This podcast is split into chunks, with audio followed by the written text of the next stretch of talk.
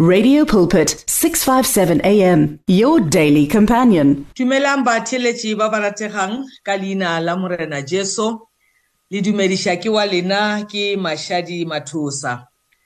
Motheletši wa ka ke kgopela gore pele re thoma le mamotlhang ke re thomeng ka go leboga sebaka se. Papa ka leina la morena Jesu re buile gape ntate pele ga tafola ya gago re kgopela go fepa ke wena meboya ya rena e nyoretše wena re kgopela gore o re bule matlho a moya re kgone go bona dinnete le botsebe bo leng lentšung la gago. E ba le rena modimo ka ka nako e ntate re rute ko wena re kgopela tsotlhe ka leina le le botse la morena jesu. Amen. Motheletši wa ka re sa le topicking ya rena the promise of heaven. Ke dumela gore mantswe a re a sherang motheletši wa ka a ya go matlafatša a go fa perspective e ntshwa Maybe some of you have been going through serious challenges in your lives and it has been for some time. Mohlomong o bontse o rapela o fasta o kgopela modimo gore mabothata gago a fele. And for some reason o santsane o le ka mogare ga ona. Ke dumela gore ge ntse re bala mantswe a re bala re ithuta about gore re ithuta ka taba gore our kingdom is a kingdom that shall never be shaken. Ke dumela gore taba ye e ya go kgothatsa e go fa maatla. Ge re bala mantswe ya gore these troubles are just for a little while you know? They will not last too long. Batho ba fela ba re ge ba bolela ba re this too shall pass. Ke dumela gore ge re bolela mantswe ya motheletši wa ka o a kgothala o ba le maatla so bekeng e fetileng re boletše ka second corinthians chapter 4 re thoma mo go uh, verse 16 to 18 so ke rata gore mamotlha re tloge ko go verse 18 re continue re bale re fitlhe ko go verse 21 ba e leng gore ba tshwere di-ball pen ba ngwala. Ke second corinthians chapter 4 uh, last week re thomile from verse 16 to, to verse 18 mamotlha re tlo tswela pele from verse 18 up to verse 21 so verse 18 ke mo lebolelang mantswe a gore for i consider that the sufferings of this present age are not worth comparing with the glory that is going to be revealed to us.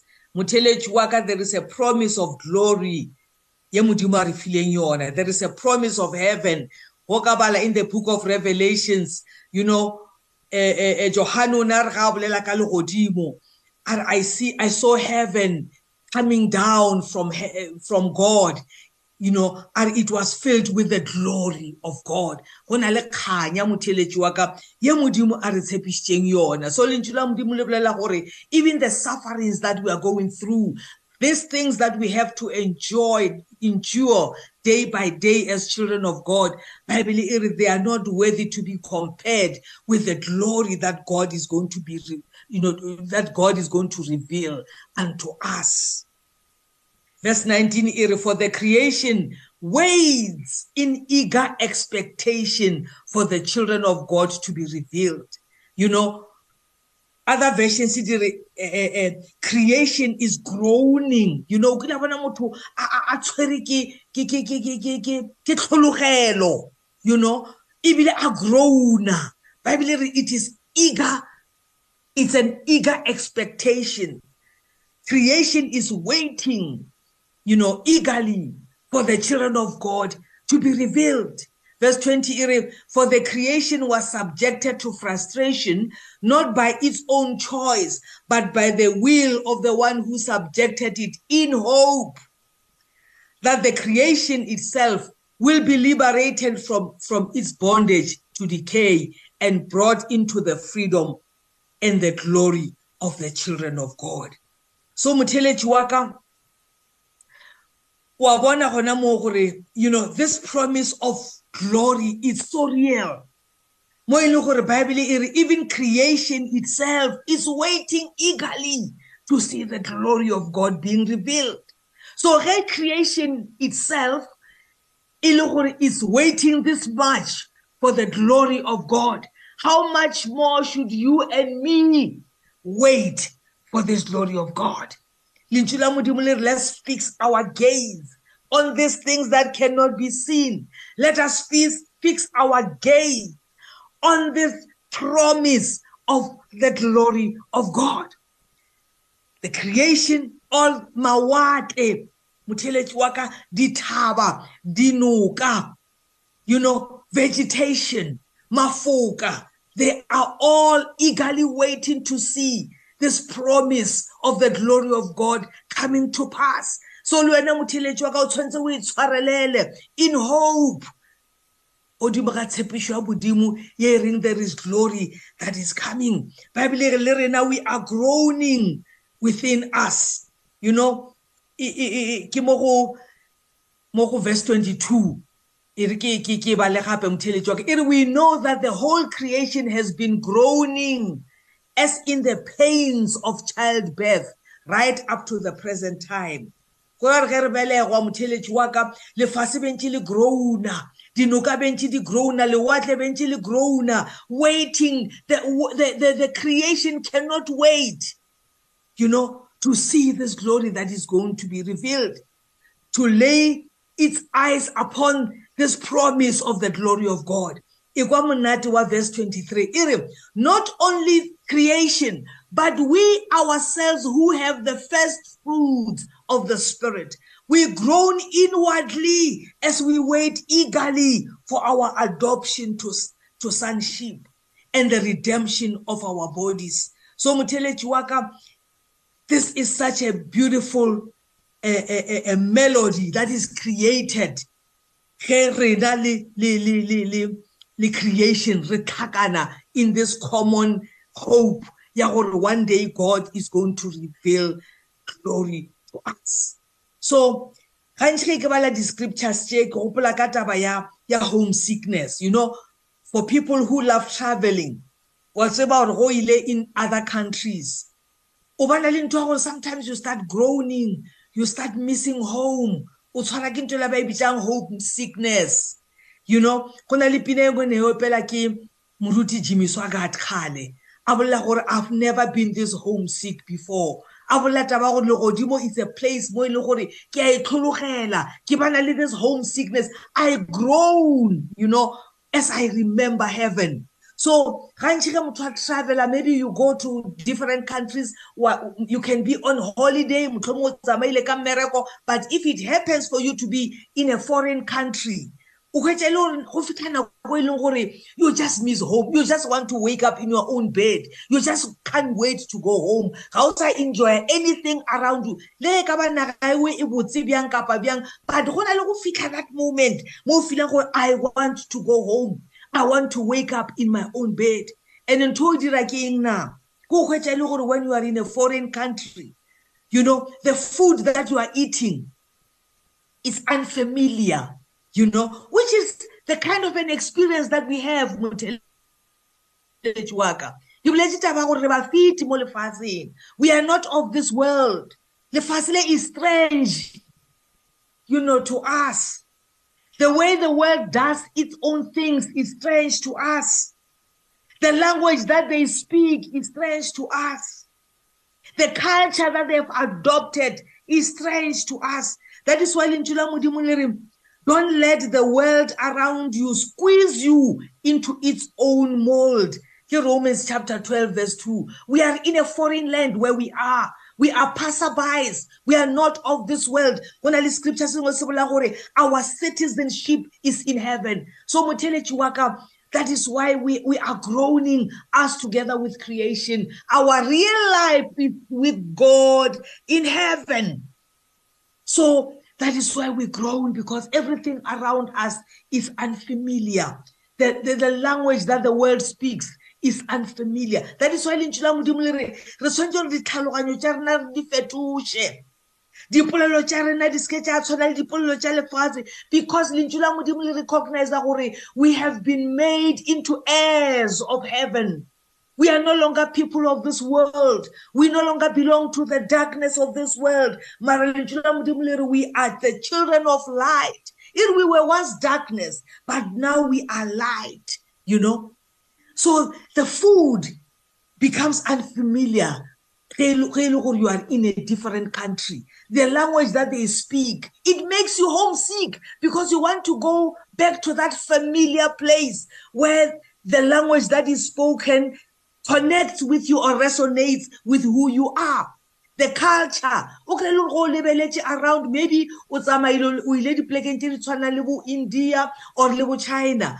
You know the culture ya go lapisha because it is unfamiliar you know. Their religion the way they do their things. O kry le go lebelela around religion ya bona is, is, is unfamiliar. You feel like a proper stranger in those countries.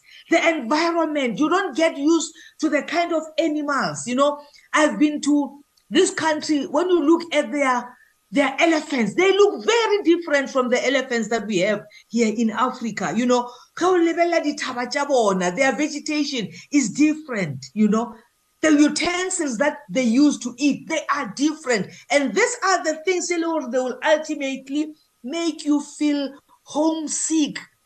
So the world, that is how we find it to be. Now that we have met the Lord, the world does things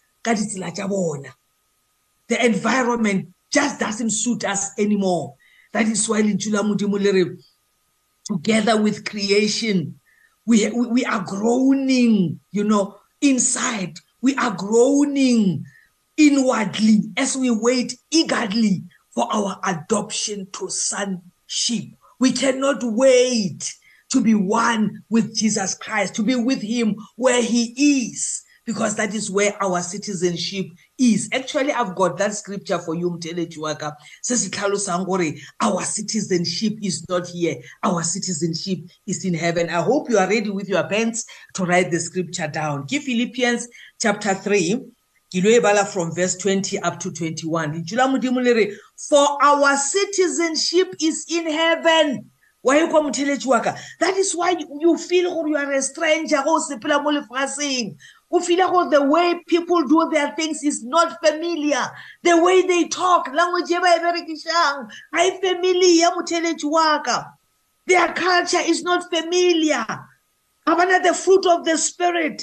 That is why lentswe la modimo le re We who have the first fruits of the Spirit, we groan because the world does not have the first fruits of the Spirit. They are not kind. They are not patient. There's no love, more fasting. They don't have the first fruits of the Spirit. That is why we are always groaning inwardly as we eagerly wait for our adoption to sonship. I hope the picture that I gave you, ya holy in another country, you feel homesick because the environment is unfamiliar. The environment we feel as though we are strangers because that's why Bible re mmila le o re sepelang ka ona ko mosesane morena jesu ga a ba le mo lefatsheng o boletse mantswe a gore le diphukube di na le melete. Le dinonyana di na le dithaka empa ge e le nna mo lefatsheng i'm so much of a stranger. Mo e leng ga ke na le mo ke beyang tlhogo gona that has become our lives. That is why motheletši wa ka we are always groaning. You know go ya ka mokgwa lentswe la modimo le bolelang ka gona. Mo go second corinthians chapter 4 verse 23 lentswe la modimo le bolela mantswe ya gore we groan inwardly as we wait eagerly for our adoption to, son, to sonship. Ke ka mokgola o reng o ke kgwetsa o le in a foreign country wa kgwetsa o gopotse gae. Ge ke bolela mantswe wa motheletši wa ka ke gopola pisalome 137 mo tafita a neng a bolela ka dinokeng tša babylon where they were held as captives you know? A ke mo re be go re dutse re lla ge re gopola sione you know? So le rena re le mo lefatshe motheletši wa ka re tshwana le makgoba a leng a neng a dutse ba tswele jerusalema ba dutse in a foreign country. Tafita o re ba ne ba duletse go lla ka metlha.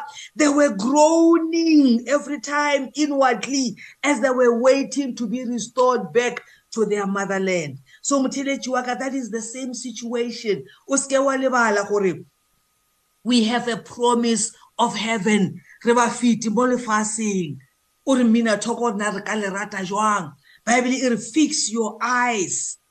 Fix your gaze on the things that cannot be seen. Fix your gaze on the promise of heaven. Fix your gaze fix your eyes on the promise of on of the kingdom that shall never be shaken. So kana be ke sa lebalela philippians chapter 3 verse 20 ere for our citizenship is in heaven from which we also eagerly wait for the savior the lord jesus christ who will transform our lowly body that it may be conformed to the his to his glorious body according to the working by which he is able even to subdue all things to himself.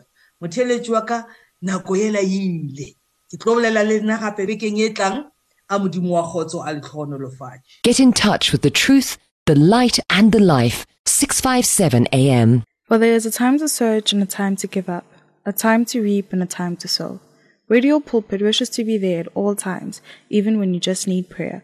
Send us your prayer requests by calling 067 429 7564 or email it to prayer at radiopulpit.co.za. Tune in to Radio Pulpit on 657 AM for reliable Christian talk radio at its best. Find your daily dose of Christ centered motivation and encouragement on Radio Pulpit 657. Download our app now. Tune in to radiopulpit.co.za or find us on DSTV Audio 882 and OpenView 607.